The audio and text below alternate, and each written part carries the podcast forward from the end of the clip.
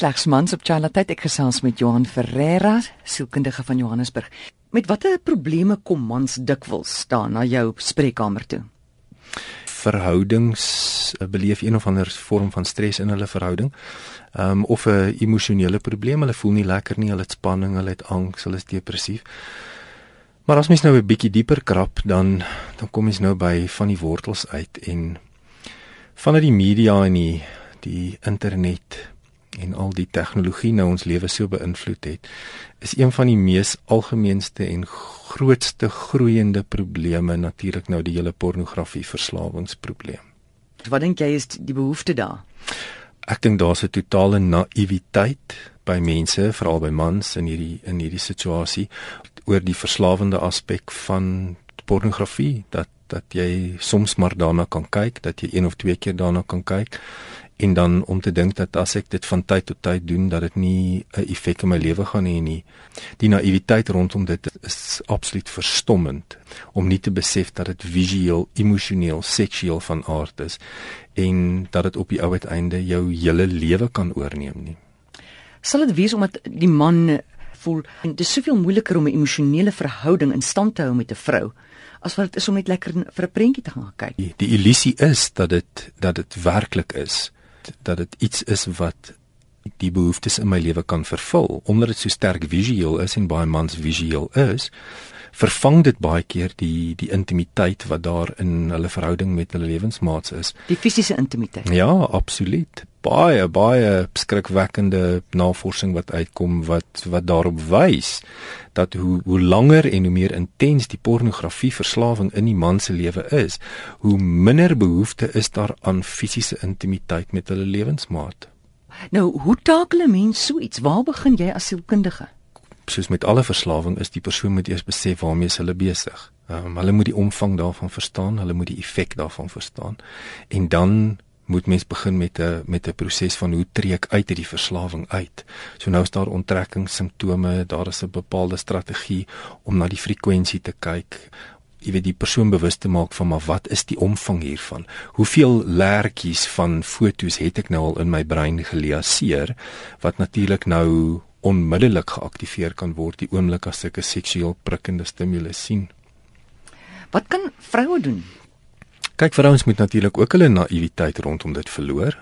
Ek is baie keer verbaas dat vrouens ook in die spreekkamers sal sit en sê maar ag, dit is nou nie regtig so groot probleem nie. Jy weet, hulle verdra dit nou maar.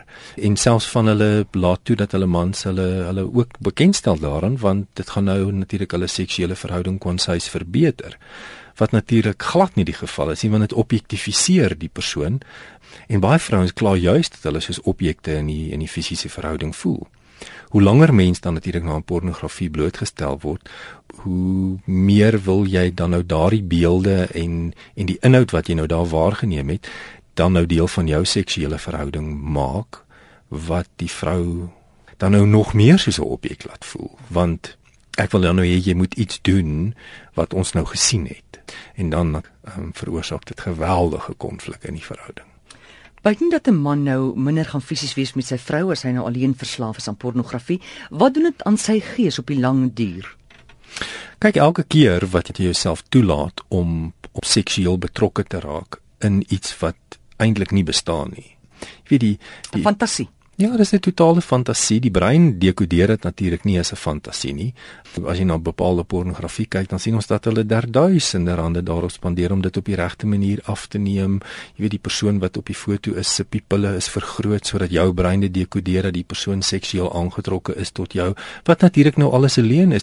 Jou liggaam en jou brein stuur vir jou die boodskap initieel dat dit werklik is dit is soos alle verslawing dan in 'n oomblik beleef jy ontlading en en genot en natuurlik die oomblik wat dit verby is is daar niks wat jou dra nie.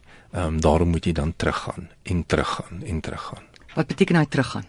Teruggaan na die pornografie toe, ah, weer die blootstelling ah. gaan kry waar 'n gesonde seksuele verhouding met iemand natuurlik nou vir jou emosioneel dra en jou goed laat voel oor jouself.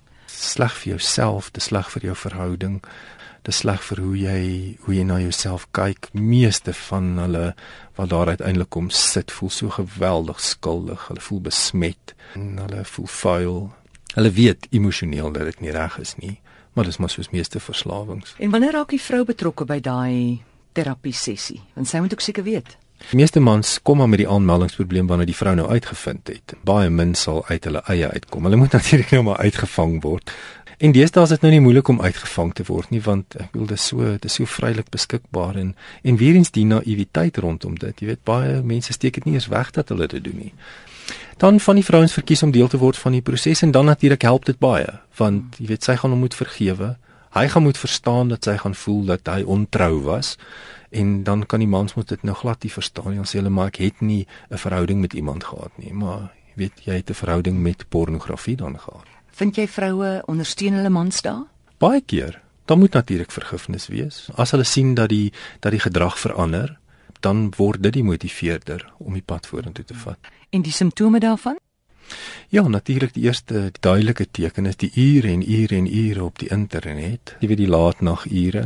Skielik die selfoon wat wat nou 'n kode op het, goed wat jy nie kan sien nie.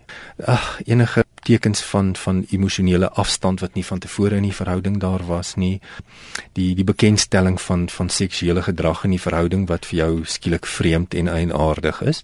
Ehm um, en dis nie net eksperimentering nie, dis gewoonlik baie spesifieke gedrag. So gesels Johan Ferreira, sielkundige van Johannesburg.